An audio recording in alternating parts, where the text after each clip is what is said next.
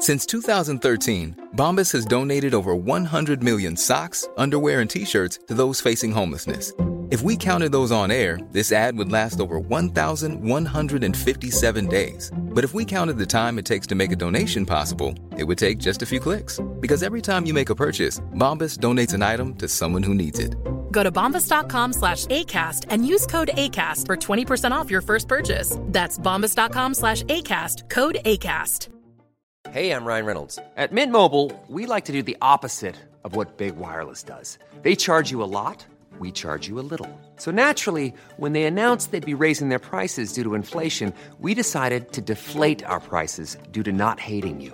That's right. We're cutting the price of Mint Unlimited from $30 a month to just $15 a month. Give it a try at mintmobile.com slash switch. $45 upfront for three months plus taxes and fees. Promo for new customers for limited time. Unlimited more than 40 gigabytes per month. Slows. Full terms at mintmobile.com.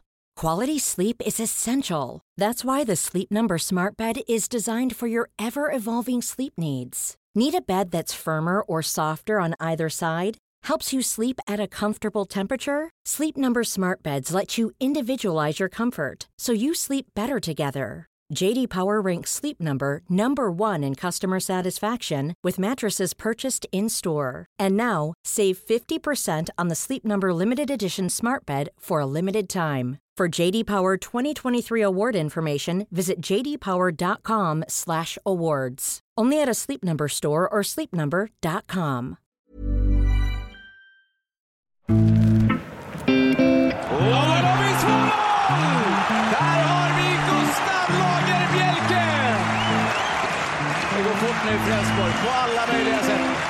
Mittbacken Gustav Lagerbielke lämnar Elfsborg. Nu är det klart att hans nästa klubb blir Celtic FC i skotska Premier League. Försvararen kom till Elfsborg från Västerås 2021. Under säsongen har Lagerbielke blivit en nyckelspelare för laget som nu leder allsvenskan. Enligt tidningen Expressen handlar det om en summa på omkring 40 miljoner kronor. Den största affären i Elfsborgs historia. Efter en succéartad vårsäsong stod det under sommaren klart att skotska Celtic köpte loss Gustav Lagerbielke från Elfsborg. Där fick mittbacken en bra start. Men på sistone har inte speltiden bara uteblivit utan svensken har haft svårt att ens ta plats i matchtruppen.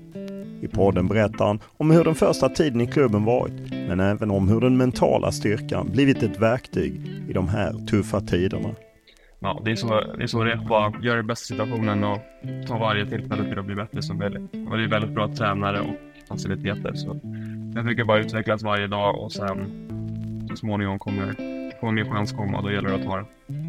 Och vi pratar om den krokiga vägen till toppen, om beslutet att lämna AIKs ungdomsakademi för spel i mindre glamorösa division 1 norra med Sollentuna. Jag kände väl att jag inte riktigt var nära spela A-laget, vilket var förståeligt. Det var där 2018, eh, så det var ju då de tog guld också. Eh, Men där var det mycket fokus på att liksom vara redo för match och eh, det var väldigt fokus på prestation snarare än på utveckling. Eh, Och i det skedet av min karriär ville jag främst fokusera på, på utvecklingsdelen och eh, att passa på att träna medan jag var ung. Dessutom talar Lagerbielke om det makalösa året som ligger bakom honom. och Hur det var att slå sig in i landslaget bland de tidigare idolerna under en resultatmässigt tung tid. Alla ville ju gå till EM. Så ja, det var, det var ju tungt. Men ja, min tanke innan var, när jag blev kallad då, att eh, liksom komma in eh, med lite ny energi och försöka bidra med det. Eh, att man inte har varit med på det som kanske inte gått så bra innan. Att man, eller att jag kunde komma in och bidra med ny energi och liksom ja, pusha på. Eh, men tyvärr gick det inte hela vägen. Men podden är naturligtvis mer än så här. Vi pratar om Elfsborgs uteblivna SM-guld, hur Lagerbielke följde guldmatchen på plats i Malmö. Och vi talar om vikten av utlåningen till Degerfors som la grunden till den efterföljande succén. Vi talar om de största skillnaderna mellan den skotska och den svenska fotbollen och hur det är att spela i ett lag som dominerar den inhemska ligan. Men som vanligt inleder vi podden med en faktaruta.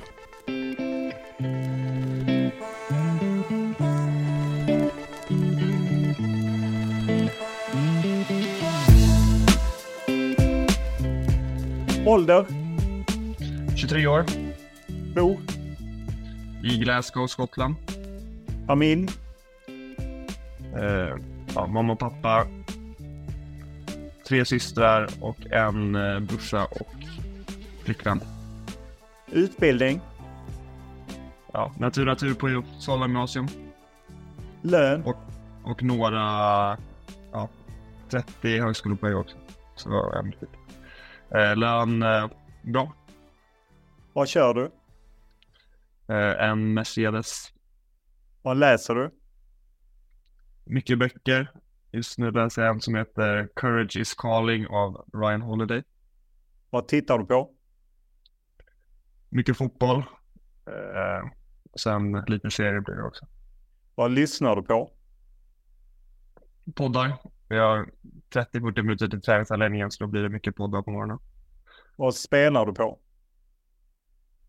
Eh, ingen betting eller något så ja, får säga Playstation då. Vem var din eh, favoritspelare när du växte upp? Eh, Thiago Silva. Vad hade han? Eh, jo men en elegans när han spelar. Eh, smart spelare och eh, ja, håller, det räcker på honom fortfarande fast han är 40 någonstans där. Så ja, en inspiration. Vilket är ditt favoritlag och varför? Eh, blir, när jag var mindre hade jag Watford som favoritlag. Eh, men sen äldre jag blir desto mindre blir det att jag följer dem. Så det blir att man följer de lagen man har spelat i. Så ja, Elfsborg, Degerfors, Västerås, Celtic. Vad klassar du som det finaste du vunnit? Jag vann Gothia Cup som 13-åring med vårt eh, liksom, pojklag. Så det var, det var väldigt stort. Och sen eh, tyvärr inga senior eh, titlar än. Men ja, jag vann ju allsvenskans bästa back nu för några veckor sedan. Så det, jag säga är det största. Vad klassar du som den häftigaste upplevelse du haft i fotbollssammanhang? Um, jag skulle säga ja, derbyt på Ibrox för några månader sedan när vi vann med 1-0 och sen att göra mål för A-landslaget. Vilken är den bästa tröja du bytt till dig? Ingen än, tyvärr. Jag har inte varit så bra på det, men det kommer nog bli några under karriären. Vilken regel hade du velat ändra på i fotboll? Att eh, ja, skärpa till eh, hur länge målet är på att hålla i bollen. Nu är det ju sex sekunder men det föll sällan. Så kanske ett lite mer strikt antal sekunder där. Vad hör du mest på planen när de vill psyka dig? I Skottland är det mycket fuck off. Så ja, det är väl det. Vem är den bästa du spelat med? Mm, Dejan Kulusevski. Vem är den tuffaste motståndare du haft? En bra fråga. Eh, jag vet inte. Träning så blir det ju Dejan Alexander Isak kanske. Vem är för dig eh, världens bästa fotbollsspelare? Håland. Vilken är din favoritfilm? Det är Moneyball. Vad undrar du dig när du vill lyxa till det? Eh, prosciutto. Vid vilka tillfällen ljuger du? Eh, aldrig. Som alla fotbollsspelare har du handlat en hel del. Vilket köp ångrar du? Eh, jag köpte ett bord från Ikea till lägenheten som visade sig vara alldeles för stort. Så den, eh, det ligger inne i gästrummet nu. Eh, så det, jag säga.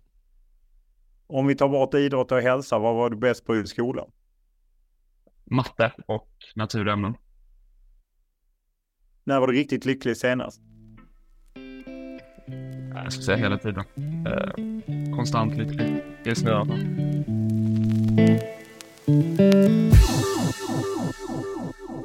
När eh, jag får tag på dig så har du kommit fram, eller kommit hem till Glasgow tidig morgon efter eh, förlust i Champions League borta mot Lazio. Du satt på bänken. Men eh, om man lägger förlusten lite åt sidan, vilket otroligt år. Jag menar för ett år sedan lämnade du Degerfors och gjort succé, förvisso där på lån. Sen har det bara radat upp sig med att bli utlandsproffs, landslagsdebut, mål i landslaget. Eh, ja, allt som har skett, årets back också då. Hur ofta nyper du dig i armen? Jo, men det blir eh, ändå lite då och då. Det är coolt när man Eh, åker till arenan och liksom gör sig redo för match på Celtic Park och sen går man ut på planen på uppvärmningen och så ser man att det är liksom 60 000 på läktarna. Och eh, ja, det var kanske inte något man trodde för ett år sedan, men sen har det skett väldigt snabbt. Eh, allting med den det har skett i en naturlig takt tycker jag, så det känns väldigt roligt att vara här och eh, ja, jag är väldigt glad över att ha kommit hit. Hur är det just att eh, på något sätt ska man ju prestera varje dag på träning och, och match och så. Samtidigt kan man unna sig att njuta lite av framgångarna eller går det för snabbt? Ja, men jag försöker stanna upp så ofta jag kan och njuta av det också. Eh, och även fast ja, jag inte fått spela så mycket nu på senaste så tänker jag ändå att så här, de faciliteterna vi har här i Celtic och de träningarna och de möjligheterna som ändå finns, att man får försöka njuta av det och hur långt man har kommit och sen ja, ta varje dag att bli bättre helt enkelt. Eh, så jag är, jag är väldigt glad över att kommit så här långt och bli utlandsproffs som jag drömt om sen, sen jag började spela fotboll. Eh, du var ju, gjorde ju starkt i Degerfors när du var utlånad där, hjälpte dem att hänga kvar 2022. Eh, sen var du med på januari-lägret och vi var nog många som trodde du skulle vara given i Elfsborg från start. Men du hade lite knackigt från början under Jimmy Tillin även 2023. Eh, Vad var det som inte funkade? Nej, jag vet inte. Det var väl... Jag kom tillbaka från Degerfors med väldigt mycket självförtroende, men kanske inte och ville visa liksom det jag gjort under Degerfors, i Degerfors under hösten. Eh, så det blev kanske att jag ville visa lite för mycket på en gång när jag kom tillbaka. Eh, och fick ta, ta ett kliv tillbaka och titta över liksom hur Elfsborg ville spela och vad som krävdes där. De spelar ganska olika Degerfors och Elfsborg. Eh, så eh, ja, fick växa in i det. Bara eh, börja på bänken de första matcherna. Men ja, träna hårt och sen fick jag chansen mot BP. Då vann vi 5-0 och sen var lite in och ut där i början, men sen tog chansen när, när jag fick dem och sen blev det väldigt bra. Fanns det något tvekan hos dig under den tiden eller var du övertygad om att om du bara anpassade dig så skulle du ta dig in i Elfsborgs lag? Eh, jo, både och såklart. Man vill ju alltid spela och sen när man inte spelar så blir det att man kanske tvekar lite på sig själv. Men jag kände ändå att jag hade, att jag har de egenskaperna som krävdes för, för att få spela och att vissa saker inte klickade in riktigt direkt men att eh, om jag hade tålamod så kände jag på mig att det, att det skulle, skulle sitta. Och sen ja, när jag väl fick spela så gick det väldigt bra. Vad fick du för återspel av eh, Jimmy Tillin under den tiden? När du inte hade liksom tagit in i laget, kommit tillbaka med stort självförtroende men ändå inte kunde få ut det fullt ut på plan för Elfsborg.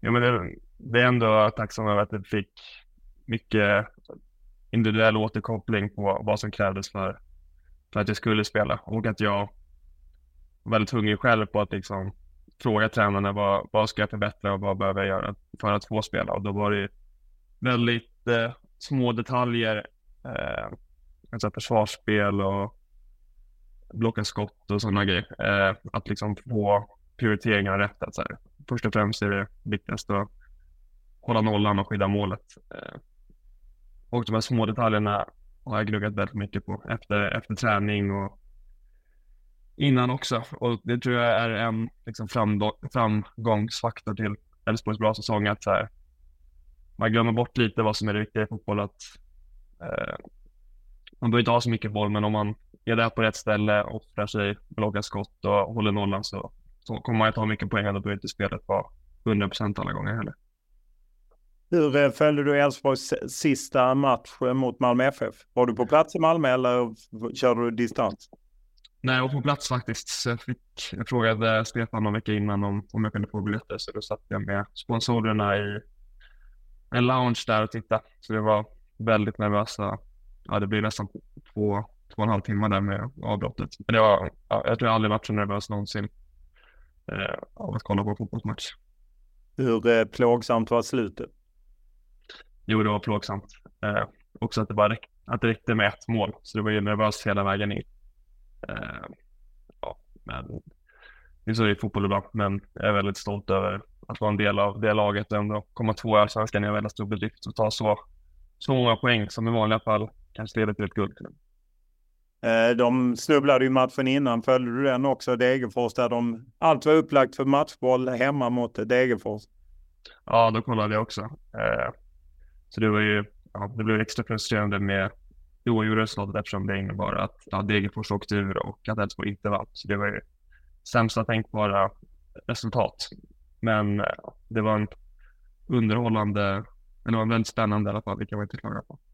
Eh, åkte du med efter Malmö-matchen hem till Borås och var med på någon slags Stora Silveret-middag? Uh, eh, ja, jag, eller jag åkte tillbaka med min flickvän och två andra flickvänner till spelare i laget och sen mötte jag upp laget när de kom tillbaka.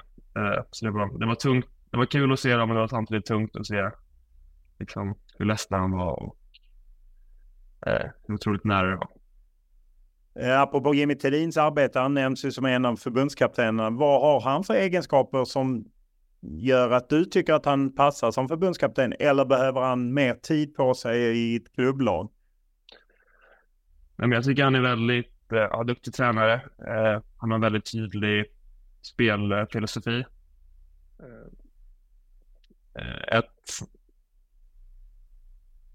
högt pressspel och liksom intensivt försvarsspel som jag tror passar ja, svenska landslaget eh, och som jag också tror att supportrar uppskattar att se eh, och ett spel med boll som innebär väldigt högt tempo och eh, eh, rakt spel utan att vara liksom långbollar utan mer rakt och kontrollerat spel. Så det är ett enkelt, han brukar säga att det är ett enkelt sätt att spela men det är svårt att spela. Så jag tror ändå att det hade passat bra till, till landslaget.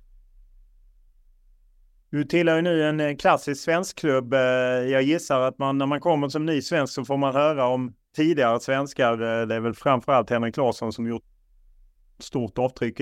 Vilka andra av de många svenskar som passerat är det som har gjort avtryck? Jo, men eh, självklart är det ju Lustig som är en av de stora. Eh, jag tror inte man förstår riktigt i Sverige, eller jag förstod inte i alla fall hur stor han är här. Eh, och ja, han vann ju jag tror sju, tri sju tripplar i rad eller något sånt där. Eh, så han har ju varit en väldigt stor del av, av framgången här, så han är väldigt stor.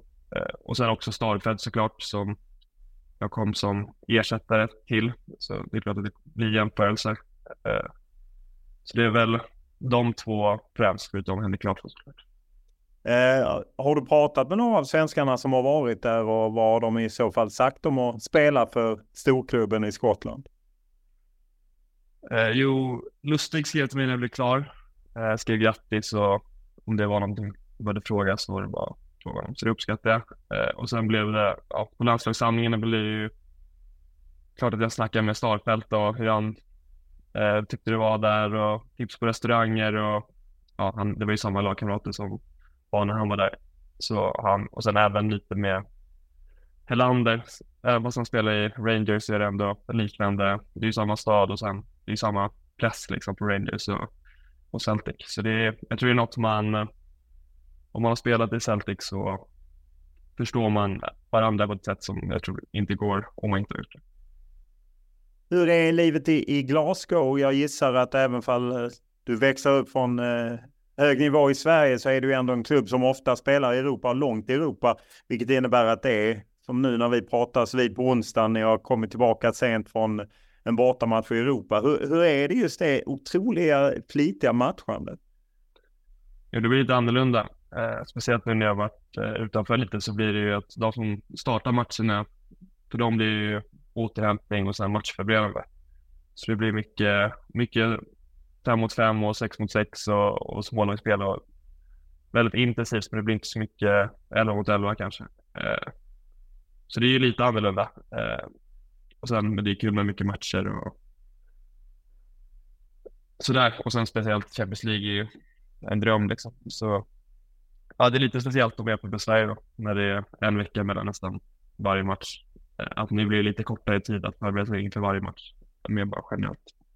Du nämnde ju själv att du eh, spelade ett Old Firm på Ibrox, alltså Glasgow Rangers hemmaplan och, och ni vann eh, och ni höll nollan. Hur, hur var den känslan? Jag, en av få gånger jag varit lite rädd för fotboll som journalist var när jag var så något derby mellan Celtic och Rangers. Det finns ju en intensitet i, i hatet kanske mellan klubbarna. Hur, hur var det att vinna på deras bortaplan och, och vara en del av det?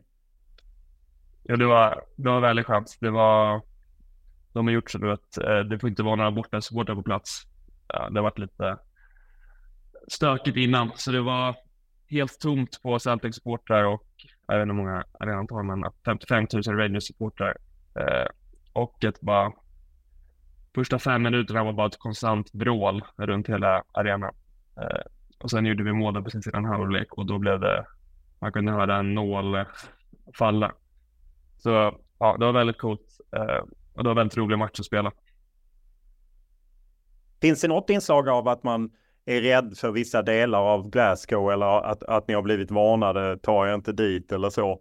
Det har ju i perioder varit väldigt hetskt mellan klubbarna och vilket har gjort att både spelare och ledare varit utsatta. Mm, nej, jag har inte fått några särskilda direktiv eh, och i Glasgow är det inte riktigt som i Stockholm eller andra städer kanske att det är uppdelat geografiskt vilket lag man hejar på utan det är lite mer utspritt. Men ja, jag måste ändå säga att de var väldigt bra. De har stor respekt för oss spelare så det, jag har inte märkt av någonting från, från någon eh, Rangers-supporter som sagt någonting och ja, Celtic-supporten är ju, blir väldigt glada när de ser det. Så bara positiva erfarenheter än så länge.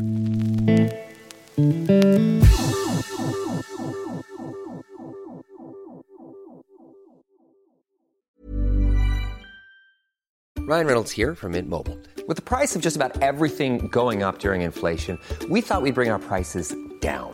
So to help us, we brought in a reverse auctioneer, which is apparently a thing. Mint Mobile unlimited premium wireless. Ready to get 30, 30, bit to get 30, bit to get 20, 20, 20, bit to get 20, 20, bit to get 15, 15, 15, 15 just 15 bucks a month. So, Give it a try at mintmobile.com/switch. slash $45 upfront for three months plus taxes and fees. Promote for new customers for limited time. Unlimited more than 40 gigabytes per month. Slows. Full terms at mintmobile.com. Quality sleep is essential. That's why the Sleep Number Smart Bed is designed for your ever evolving sleep needs. Need a bed that's firmer or softer on either side? Helps you sleep at a comfortable temperature? Sleep Number Smart Beds let you individualize your comfort so you sleep better together. JD Power ranks Sleep Number number 1 in customer satisfaction with mattresses purchased in-store. And now, save 50% on the Sleep Number limited edition Smart Bed for a limited time. For JD Power 2023 award information, visit jdpower.com/awards. Only at a Sleep Number store or sleepnumber.com. A lot can happen in the next three years. Like a chatbot may be your new best friend. But what won't change? Needing health insurance. United Healthcare Tri Term Medical Plans are available for these changing times. Underwritten by Golden Rule Insurance Company, they offer budget friendly, flexible coverage for people who are in between jobs or missed open enrollment. The plans last nearly three years in some states, with access to a nationwide network of doctors and hospitals. So, for whatever tomorrow brings, United Healthcare Tri Term Medical Plans may be for you. Learn more at uh1.com.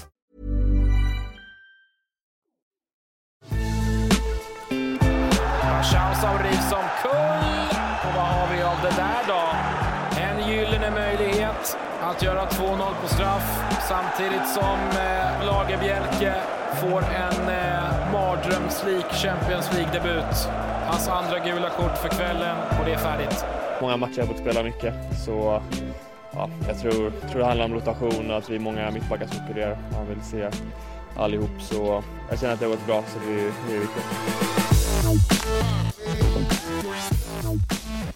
Direkt när du kom så fick du spela väldigt mycket både i liga och du spelade någon Champions League-match efter den rött kort. Brendan Rodgers gick hårt åt dig. Du spelade ju några matcher efter det i ligan. Sen har du åkt ut. Vad är det som har hänt och vad har, har manager Rodgers förklarat det hela? Uh, hur han ser på det?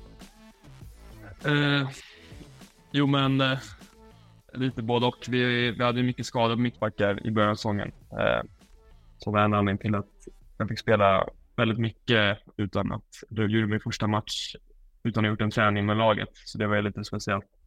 Eh, sen är jag väldigt nöjd över mina egna prestationer. och Jag tror jag har sex, sju ligamatcher utan att släppa in ett mål. Eh, så det är väl vårt främsta jobb som försvarare. Och sen är det ju väldigt tuff konkurrenssituation. Vi har sju mittbackar i truppen som alla är liksom seniorspelare. Eh, så det är väldigt tuff konkurrens. Eh, ja, det är så det är. Så det är. Eh, och bara göra det bästa situationen och eh, ta varje tillfälle till att bli bättre som möjligt. Och det är väldigt bra tränare och faciliteter. Så jag försöker bara utvecklas varje dag och sen så småningom kommer kommer min chans komma och då gäller det att ta den. Vilken nytta har du av att du liksom haft en del motgångar på vägen fram och gått på lån från Elfsborg bland annat till Degerfors och, och, liknande? Att, att du varit med om liknande perioder? Jo, men väldigt stor nytta. Det var, jag var i Elfsborg ett år där utan att få spela någonting eh, i princip. Eh, och då lär man sig också att det går väldigt snabbt i fotboll och sen när man väl får chansen så gäller det att, att ta det. Och det känner ingenting till på, vi känner ingenting till på att klaga eller tycka synd om sig själv utan det gäller bara att ta varje träning som ett tillfälle och bli bättre och visa att man borde spela. Eh, sen så gäller det att ta chansen när man får den. Så ja, jag tränar på och sen väntar jag på mer chans. Eh, ja, när man är utanför den bubblan så kan man ibland tycka att Brendan Rodgers var lite hård mot det. Har ni snackat ut om det när han liksom på en presskonferens eh, ja, lite kastade det under bussen kan man ju känna. Nej, och jag har inte sett det heller. Det blir ju så när man, man försöker skärma av så mycket som möjligt. Kanske framförallt efter att man fått röstkort eh, som man inte är sugen på att gå in och läsa. Eh, nej, så jag faktiskt inte liksom hört eller läst något om det heller. Så det är inget, inget jag tänker på heller, utan det är bara att köra på. Ja, och just att det inte ens var, du är med i matchtruppen i, i Champions League, men inte alltid i ligan. Hur är det? Jo, men det är ju lite, det blir lite, klart man vill vara med i truppen och vara med och liksom kunna bidra. Eh, om man tänker på den positiva sidan så är det ju, eh, får man använda det som att man inte behöver vara 100% fräsch till varje match. Man kan träna hårdare och träna på de sakerna man vill oftare utan att behöva ta hänsyn till eh, att man ska spela. Eh, så man får se på det positiva. Eh, men det är klart att jag hellre vill vara på bänken eller vara med och spela. Men det är som det Eh, vilken form av fotboll finns det? Har de ett u lag du kan hoppa in i eller reservlag eller hur? Eh, eh får du nöja dig med fem mot fem och sex mot sex på träning? Eh, nej, de har ett B-lag som spelar i, jag tror skotska fjärde divisionen, men det är främst, det fungerar som deras U19-lag. Eh, så det blir mycket träningar. Sen har vi en väldigt stor trupp, jag tror vi har 32 spelare i seniortruppen, så det blir ändå, och alla är invarvade och väldigt duktiga, så det är inte så att kvaliteten blir dålig bara för de som startar inte med, utan det är fortfarande otroligt hög nivå hela tiden. Eh, så, och sen hade så var det en träning, men jag hade en träningsmatch där under landslag, före landslagsuppehållet som ja, fick känna på att spela matchen, så det var, det var väldigt skönt. Eh, om man tänker på träning, vad, vad särskiljer träningen i Celtic mot den du hade i Elfsborg? Jag skulle säga att intens Elfsborg hade ju väldigt hög intensitet under träningen också. Eh, och ja, Jimmy och ledarstaben tryckte verkligen på att det ska gå snabbt, det ska vara små ytor, man måste ta beslut, ja, ta snabba beslut eh, så kommer det kännas lättare i match. Och jag skulle säga att det är likadant i Celtic, bara att intensiteten håller dubbelt så länge och det är dubbelt så långa matcher på, på träningarna. Och sen skulle jag också säga att träningarna är längre. I regel skulle jag säga att de är två timmar här jämfört med i Sverige när de en timme kanske. Eh, Eh, och sen beror det på lite, det är en ganska annorlunda filosofi här i Celtic jämfört med i Elfsborg. I Elfsborg ville vi inte ha över 45 procent bollinnehav och här har vi uppemot 80 procent varje match. Så det, det skiljer sig ganska mycket. Ja, hur är det när ni kommer till eh, Kilmarnock eller jag bara drar till med någonting? På något sätt det är ju förväntat att ni ska vinna och, och jag gissar att de lägger sig på försvar. Hur, vad sätter det för utmaningar till dig som är mittback? Jo, men det blir ju väldigt annorlunda. De flesta lagen liksom backar hem och ställer, ställer sig ett 5-4-1 och eh, satsar på långa inkast och utsparkar och försöker på, vinna en frispark och sånt där. Så det blir att eh, ja, dels får man vara lite mer kreativ och försöka luckra upp. Eh, och sen får man ju bli ännu mer cynisk i försvarsspelet och inte dra på sig onödiga frisparkar eller, eller onödiga, ja, få till onödiga fasta på motståndarlaget. Eh, och sen blir det väldigt mycket väldigt mycket försvar. Försvaret blir främst mot kontringar snarare än kanske i allsvenskan när det var lite mer uppställt försvar och man kunde gå in i press. Utan här är, när vi tappar bollen så är det återigen återövningspress och då kanske det tar motståndarlaget brukar få till två, tre passningar sen får vi den igen. Så det är lite annorlunda.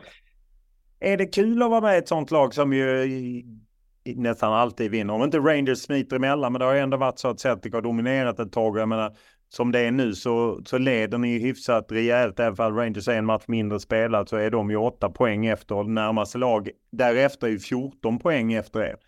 Eh, gillar man det att få vara ett lag som dominerar och att man kan få vinna några titlar och så? Ja, eh, det bästa som finns är ju att vinna. Eh, och när man spelar vill man ju ha bollen.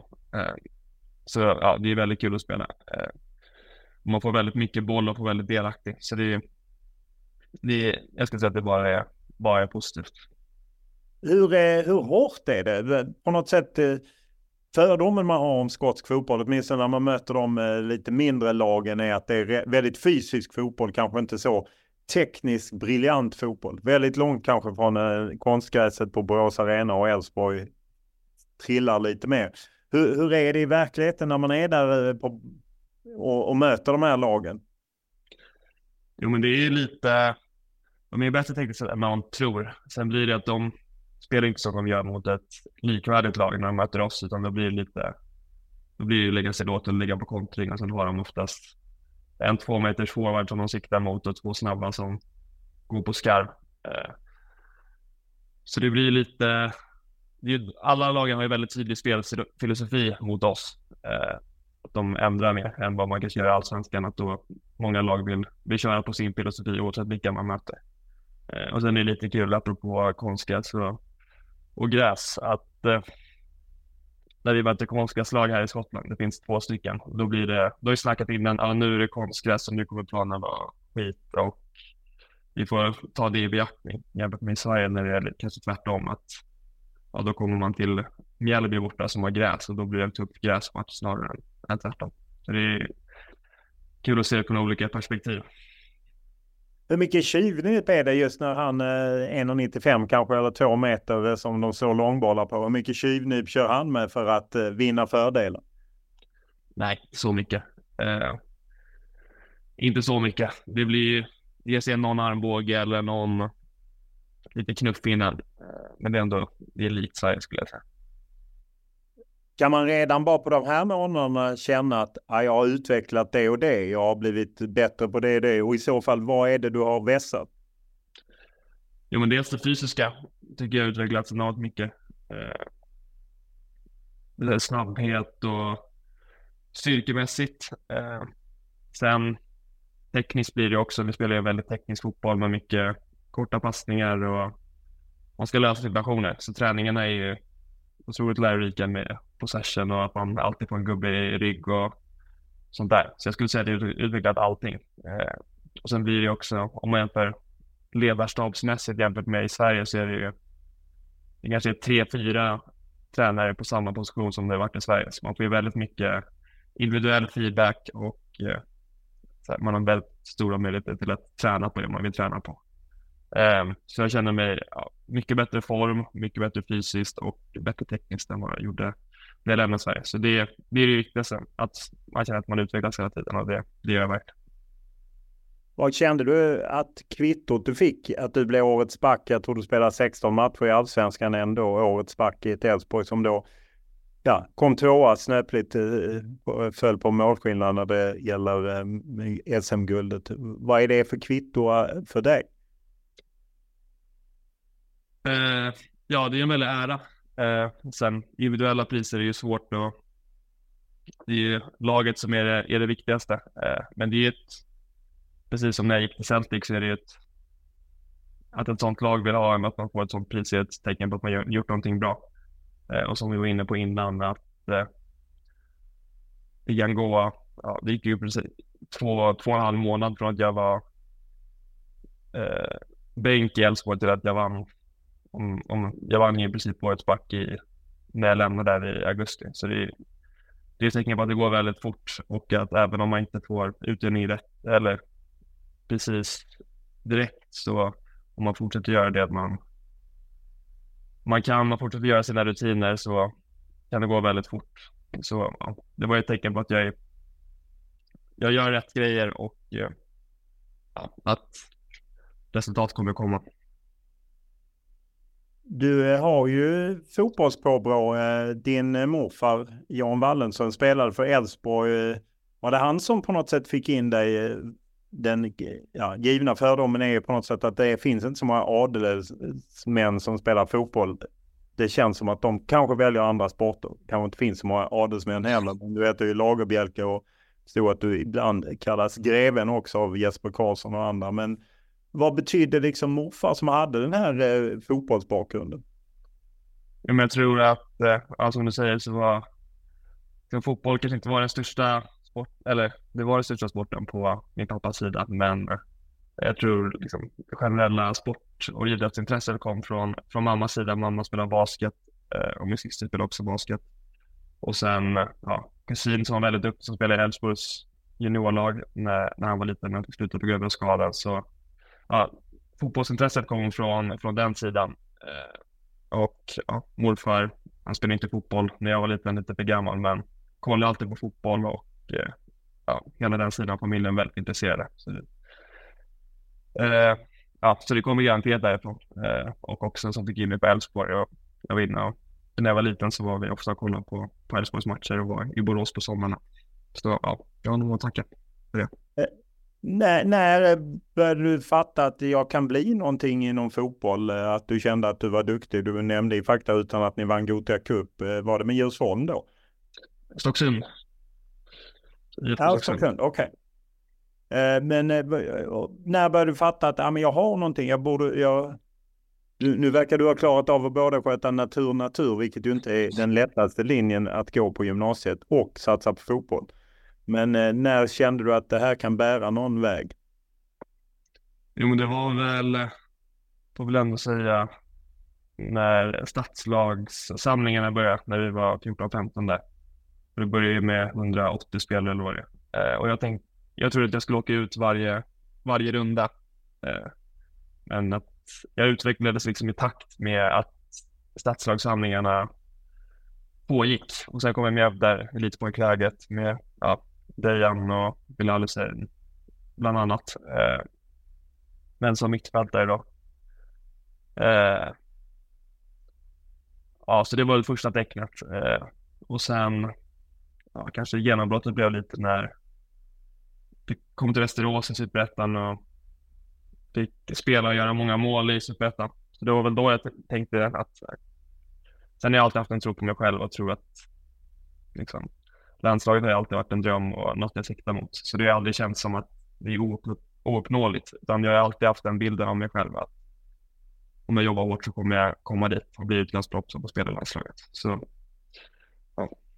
Hur, hur var det att tillhöra en 00-generation med just Dejan Kulusevski bildade du säger, ni var ju ett gäng som var duktiga. Att, eh, är det sporrande eller blir man avundsjuk eh, när Dejan drar iväg eh, till utlandet och, och det går bra? Eller hur, hur funkar det? Nej, inte jag. Är verkligen inte avundsjuk. Man märkte redan då att Dejan var otroligt talangfull och vi spelade mot varandra många gånger i, i ungdomsåren.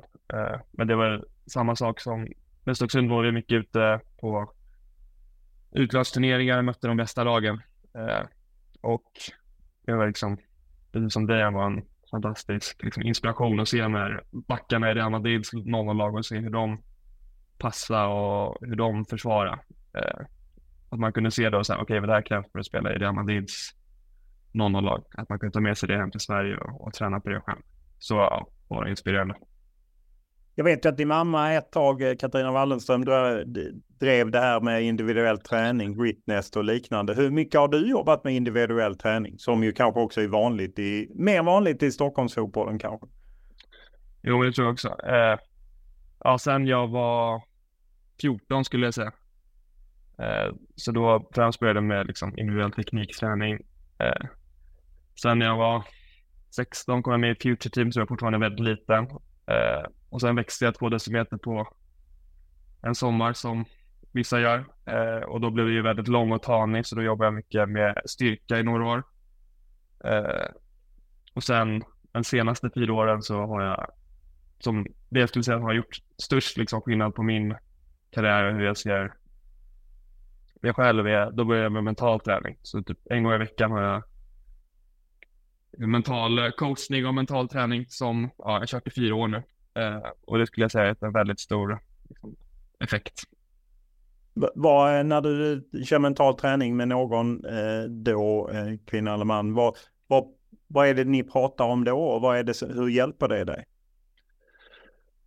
Um, jo men det är allt möjligt egentligen, men främst handlar det liksom om medvetenhet och att man kan zooma ut och sätta sig själv i, i perspektiv. Eh, det är lätt, som fotbollsspelare är det lätt att eh, tycka synd om sig själv kanske om man inte får spela och skita i träning eller okej, okay, om jag, jag kommer ändå inte spela imorgon så då kan jag lika gärna gå ut och festa med kompisar kanske som är eh, lockande när man är där 19-20. Eh, men att då liksom göra de grejerna man ska så kommer resultaten komma.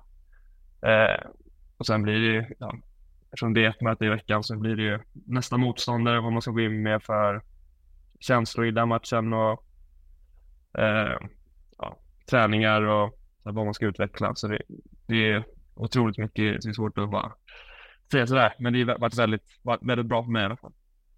Eh, för att du är ju en del av AIK ett tag och, och de ratar dig. Eh, hur, hur landade det att, att de inte ville ha det? Jo, men det var väl, jag skulle säga att det var ömsesidigt. Eh, jag, till, jag tillhörde U19-laget om jag var ja, 16-17 där. Jag tillhörde U19 och, och första försäsong med A-laget, men ja, kände väl att jag inte riktigt var nära spela A-laget, vilket var förståeligt. Det var 2018, eh, så det var ju då de tog guld också. Eh, men där var det mycket fokus på att liksom vara redo för match och eh, det var väldigt fokus på prestation snarare än på utveckling. Eh, och i det skedet av min karriär ville jag främst fokusera på, på utvecklingsdelen och eh, att passa på att träna medan jag var ung. Så då bestämde jag mig för att gå till Sollentuna. Där var det lite mer fritt. Det var liksom träningar, men det var inte en lika stor apparat runt omkring, vilket är förståeligt med det på klubb. Så det gjorde att jag kunde träna styrka två timmar på morgonen, träna eftermiddag med Sollentuna och sen åka och köra teknik två timmar efter träningen. Eh, så det blev ju ja, under ett och ett halvt år där i Sollentuna när jag tränade liksom fyra, fem timmar om dagen. Eh, och det har jag lagt grunden till vad jag är idag. Eh, så jag tror jag tror att det är olika för alla, men för mig var det bra att kunna ha frihet och liksom styra mycket av träningen själv. Ja, hur tror du AIK ser på det idag? Jag menar när du spelar till landslaget och en dyr transfer till eh, Celtic. Ja, det är svårt att säga. Det är, det är omöjligt för dem att veta vilka som ska bli bra. Och sen, de vann ju SM-guld det året också. Så, och det är det liksom, föreningar i Sverige finns till för, att vinna allsvenskan. Så jag tror att de är glada också. Kan det finnas ibland en svårighet också att ta kliv, alltså att prestigen och lämna AIK man ändå med och tränar lite med A-laget till att faktiskt gå ner till division 1 norra och spela fotboll där istället. Eh, hur, hur tänkte du kring det? Fanns det liksom någon prestige i att ah, men nu, nu får jag ta två kliv ner? Eh, jo men lite kanske, men inte eftersom jag aldrig riktigt var en del av A-laget så blev det, jag tror det var annorlunda med på att liksom göra allsvenska minuter och sen gått ner. Eh, men nu var det ändå ett ganska naturligt steg. Och sen var det, ju, det är tufft att ta steget från juniorfotboll till seniorfotboll och det gick ju, det var ungefär ett och ett halvt år där i Sollentuna som jag inte fick spela så mycket heller. Eh, och eh, ja, men då gällde det att bara jobba på.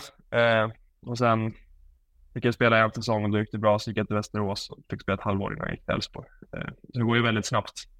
Det var ju hur håller du ändå modet uppe? Jag menar många hade ju precis som du säger kanske gått ut och festat eller att man släpper på, på någonting för att ja, det kanske är för mycket liksom att man kör fast.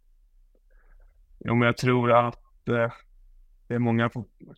Det är lätt. Innan var jag snarare andra hållet att liksom, fotbollen var allt, allt, allt. Så när jag inte fick spela så var det liksom jordens undergång. Eller när jag gjorde en felpass så blev jag så arg på mig själv att liksom, det påverkade resten av min prestation. Men jag tror liksom att det är en grundinställning man måste ha som fotbollsspelare att du måste vara lycklig även om du får starta eller inte. Liksom, hela ditt välmående kan inte hänga på vad en tränare tycker om det. Det finns så många liksom, andra viktiga parametrar eh, och att man är trygg i sig själv och liksom glad. Eh, sen, eh, ja, och det gör ju också att, och att man har kul hela tiden. Eh, och det gäller att komma in i laget och få kompisar i laget och liksom tycka det är kul att komma till träningen. Och där har jag haft väldigt tur med ja, alla lag. Jag har varit i Elfsborg och Degerfors och ja, även nu i Celtic att så här, skaffa kompisar i laget, att liksom man ser fram emot att komma till träningen. Även om man inte är med i laget som startar så är det ändå liksom, kul att hänga med sina kompisar. Du nämnde att du i stadslaget var mittfältare. När tar du klivet ner och blir mittback? Jo, men det var väl ungefär då, när jag blev 15-16. Sen när jag var mittback, ja, fram till jag var 14 var jag egentligen på, spelade där det fanns plats. Spelade ytter och forward och mittfältare och högerback, mittback. Eh, men sen när jag blev 16, då ska jag säga att då blev jag mittback på heltid. Eh, känner du att du har de egenskaperna som passar bäst där? Eh, jo, det tycker jag. Eh, I och med liksom, min storlek så blir det naturligt att, att spela mittback. Sen tror jag att jag, sen tror jag att jag har egenskaper som hade passat på en defensivt mittfält också, men eh, med lite träning. Eh, men jag är väldigt glad att spela mittback och jag tycker det är väldigt kul eh, att få vara med och styra spelet och se allting bak, bakifrån. Du är ju som sagt i, i Sollentuna och spelar rätt mycket under ett och ett halvt år eh, och sen eh, tar Västerås dig. Det är väl Kalle Karlsson som är involverad då. Ett av hans fynd från 08-fotbollen. Eh, eh, hur, hur, var det att komma till Superettan och vad, vad tror du gjorde att du lyckades så bra där? Um, jo, det var, det var ju lite, jag tror att det var ett väldigt bra steg för mig. Dels liksom ta ett kliv upp till, eh, till elitfotbollen och sen även att flytta hemifrån. Även fast det inte är så långt, så en timme. Så gjorde att man kunde åka hem när man ville, men ändå kunde ta liksom första steget ut i, i vuxenvärlden också. Eh, och sen eh, var det en väldigt bra grupp. Sean Sabbetkar som jag hade som kapten i Sollentuna var även kapten i Västerås, som jag kände väldigt bra. Han var väldigt bra på att få in mig i gruppen. Eh, och sen hade vi ett gäng där som, eh, som tränade efter varje träning. Jag var där, liksom, kom dit en timme innan samling, tränade körde träning med laget och var där två timmar efteråt. Eh, tränade. Eh, och sen fick jag väldigt mycket förtroende av, av Kalle Karlsson och Thomas Askebrand. Eh, och eh, ja, fick ta straffar bland annat. Eh, så väldigt, väldigt stort förtroende. Så det, var, det växte jag väldigt mycket med. Eh, hur är, är det att, att komma då och ta det och få det ansvaret eh, när man ändå är rätt oprövad? Eh, Jo, men jag skulle säga att för mig kom det ändå, det blev liksom en, jag fick några chanser där under försäsongen i kuppen där vi gick väldigt bra med Västerås och kom till semifinal. Eh, och sen blev det ju att Sean lämnade till Degerfors och då blev det en naturlig lucka att, att fylla. Eh, så då blev det också att jag kunde göra, jag kände att jag kunde göra misstag och ändå få chansen fortfarande. Eh, och så gick det ju väldigt bra direkt. Eh, så jag tror att ja, jag är väldigt starkt förtroende som känner att jag kunde göra de grejerna jag ville göra och bidra till laget och då gick det väldigt bra. Hur är det sen när Elfsborg då plötsligt hör av sig att, att från att tagit några kliv ner och kämpat på där och sen går det rätt snabbt uppåt eh, till då ett allsvenskt topplag? Jo, det var ju eh, det var ju en dröm i och med att jag hejat på Elfsborg när jag var liten och, och sådär. Eh, och Elfsborg var i Conference League då också och med i guldstrid i Allsvenskan. Eh, sen var ju tanken först att jag skulle komma på vintern, men eh, de aktiverade en klausul som gjorde att jag kom på sommaren. Så min första match blev ju Feyenoord borta i Conference League playoff som inhoppare.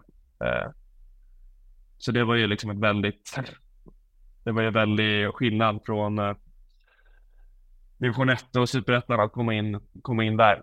Eh, så det var ju rakt in i hetluften och sen ja, det var ju väldigt, väldigt duktiga spelare, väldigt eh, duktiga mittbackar att lära sig av också med Väisänen och, och sådär som man kunde hänga på. Så det lärde mig väldigt mycket av. Hur jobbar Elfsborg eftersom vi har ju ändå sett många talanger. Men Jesper Karlsson hade lite knackigt i början, fick inte spela så mycket och sen fick han en utveckling samma med Ondrejka, Jakob Ondrejka som inte spelade jättemycket i början och sen kommer den här explosionen. Samma du, du har ju ett år där du nästan inte spelar och du lånas ut. Och hur, eh, vad, hur pratar de med dig och andra liksom för att ni ska förstå att det här är något långsiktigt? Vi tror på er ändå på sikt. Ja, men det blir lite klart att man blir frustrerad liksom i stunden att man vill, eh, vill spela. Eh, sen får man ju också acceptera att det är ett stort steg från eh, under halva laget i till ett topplag i Allsvenskan. Eh, sen har ju Elfsborg en fördel att det inte riktigt är samma tryck utifrån. Eh, kanske om jämför med de andra storklubbarna att om de värvar en spelare så vill de se resultat direkt. De vill se eh, ja, de vill se resultat direkt. Eh, och att i Elfsborg kan man arbeta under lite mer lugn eh, och att man inte har den pressen utifrån att prestera direkt. Så det är Elfsborg väldigt bra på att värva in spelare och sen låta dem komma in i det ett halvår och sen när någon lämnar så är man liksom, då är man redan inne i systemet och taktiken och då är det bara ta dens plats och sen sätta sin egen prägel på det. Ja, vilken faktor tror du det är om du jämför, jag menar du kommer ju från Stockholmsfotbollen och vet ju AIK, Djurgården, Hammarby där det är ett annat medialt tryck än som det är Borås, kanske kommer Borås Tidning eller att, men att det inte blåser till på samma sätt. Vilken faktor tror du det har i att du och många andra lyckas där? Ja, men jag tror att det är en ganska stort, eh, en stor faktor och att man just när man inte får spela att man kan tänka då på sin utveckling snarare än på att man måste prestera, prestera, prestera. Eh, framförallt som ung spelare, att man kan till sin egen utveckling och att man, ja, man har en tidsram och så här, det här, nu, till det här måste jag vara redo ungefär. Eh, och sen eh, Stockholmsklubbarna så finns det, det är ju så otroligt tuff konkurrens också bland, det är så mycket duktiga ungdomsspelare att man, man vet också att jag får, jag kanske får ett halvår här som jag måste verkligen prestera. Sen kommer en som är ett år yngre än mig från U19 och tar den platsen på ett halvår på sig. Sen kommer en ny, ett år yngre än honom. Eh, att man får lite mer tid på sig att liksom komma in i A-lagsfotbollen.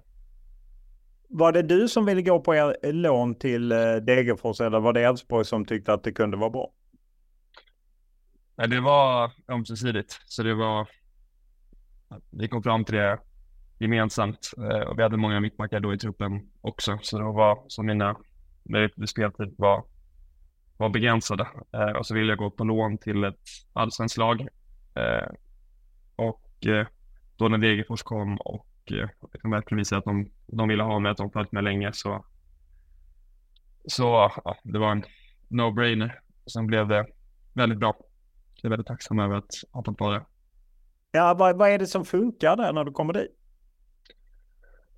Ja, men jag skulle främst säga liksom atmosfären.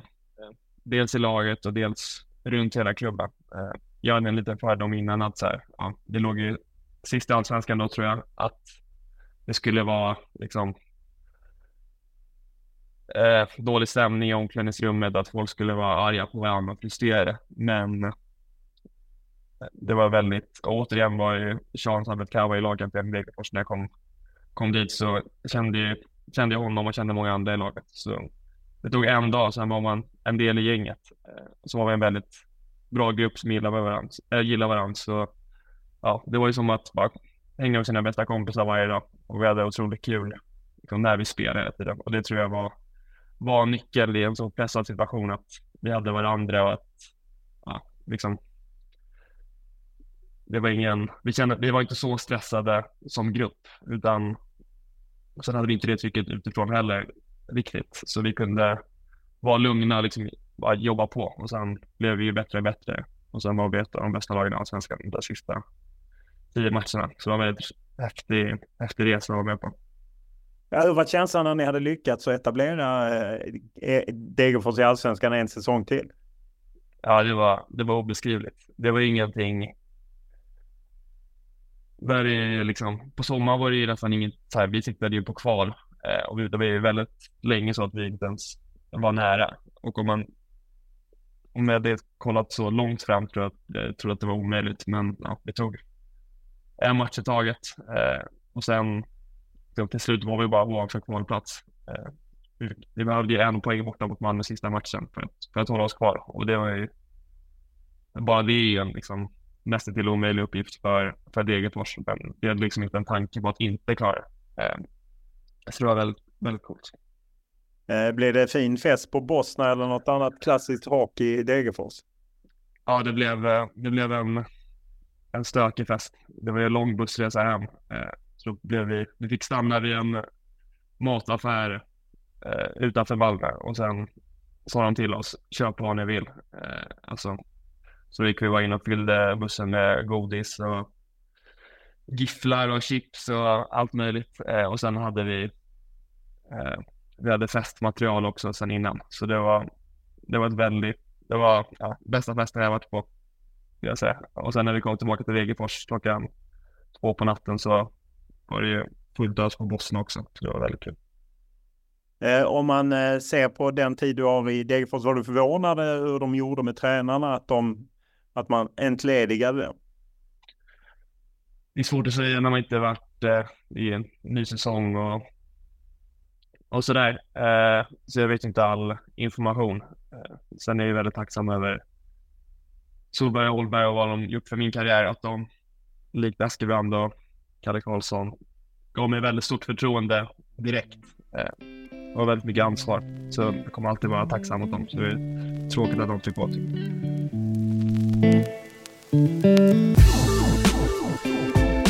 Men först sport och fotboll. Sverige besegrade Moldavien hemma på Friends Arena. Den är i mål!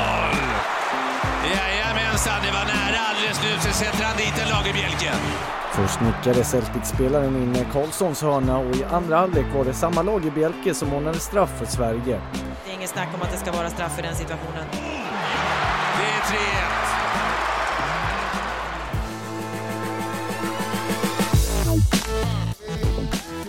Under 2023 har det ju både blivit landslagsdebut och, och eh, målskytt eh, på Friends Arena mot Moldavien när du hade släkt och vänner på plats och så.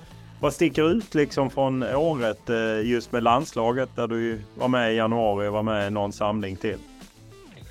Ja men det är målet som är eh, pricken över i skulle jag säga. Eh, då blev det på riktigt liksom. Eh, och sen, ja, vi kallas som reserv, januari-turnén och en LPM-mål där också. Men, eh, och sen reserv och en landslagssamling. Så jag kommer med på riktigt, jag blir kallad direkt och, och att få göra mål och spela från start. Så det var, det var höjdpunkten helt klart.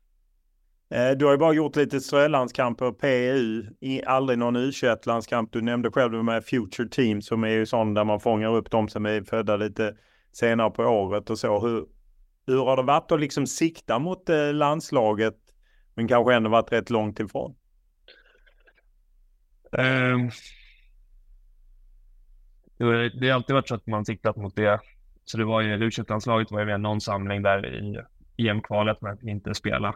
Men att när jag var där så kände jag att så här, ja, men jag tycker att jag borde vara här och att jag har jag kan erbjuda laget någonting. Eh, och så fick jag inte vara med någon det var lite strul med förbundskaptener och många som fick komma Det var en omsättning på uh, U21 förbundskaptener med Poya Asperger och Jens Gustafsson och allt vad det var. Ja, exakt.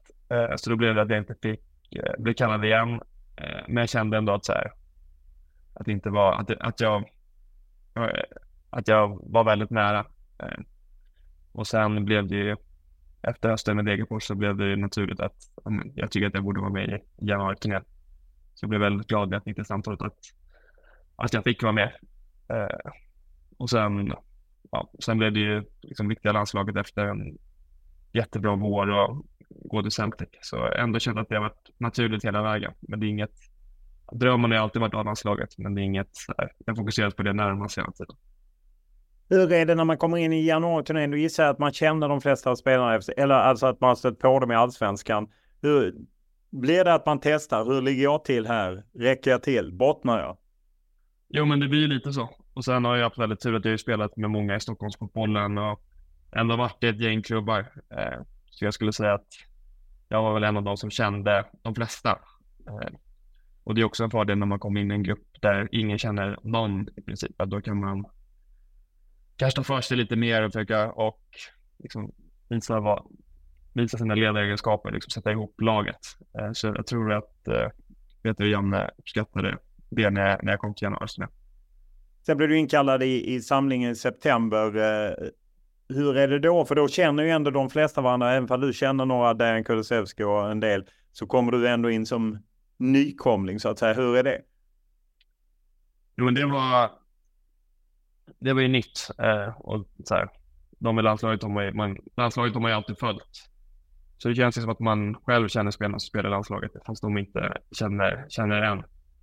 Eh, så det var ju lite speciellt. Eh, men det, var ju, det är väldigt bra grupp och jag kom in väldigt snabbt. Sen är det ju många med Älvsborgskoppling bland annat som man har många gemensamma kompisar med eh, och man kunde dela mycket med. Så det gick väldigt snabbt att, att komma in i, i landslaget också. Vad, vad var svårast när man kommer in där? Jo, men det är väl att det är väl att ta en plats i gruppen de är ju så tajta och har varit med varandra så, så pass länge, många av dem. Eh, att de är en ganska tajt grupp. Eh, men att man vill att man kan komma in och vara sig själv och både på plan och utanför. Eh, du var ju med då när de förlorade mot Österrike. Gissar att det var tungt och på något sätt dog EM då. Hur var det att vara en del av det? Jo, det var ju, det var ju tungt såklart eh, alla ville ju gå till EM. Eh,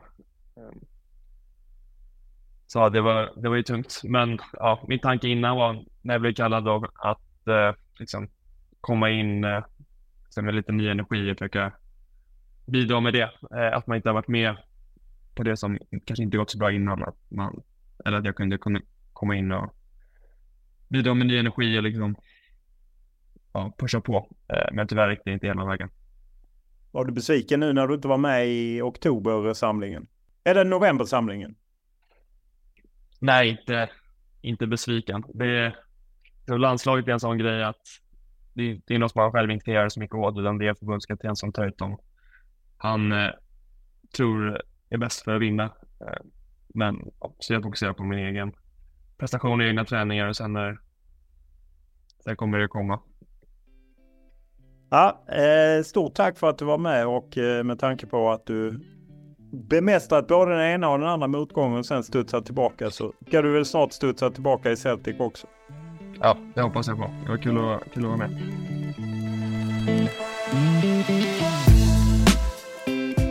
Podden är producerad av Jakob Nalerius och klippt av Daniel Eriksson. Och vi hör gärna vad ni tycker, tänker, önskar, ja, om det är kritik, beröm eller vad det nu handlar om. Enklast är att mejla mig olof.lund.tv4.se eller skriva till mig på X Twitter eller Instagram. Och då är det Olof Lund som gäller i ett ord. Stort tack för den här veckan.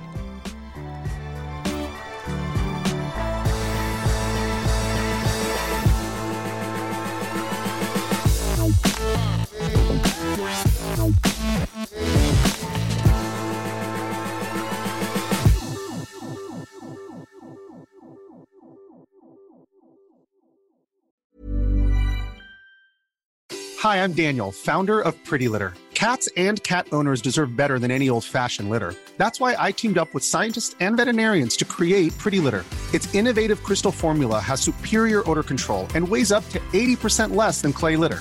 Pretty Litter even monitors health by changing colors to help detect early signs of potential illness. It's the world's smartest kitty litter.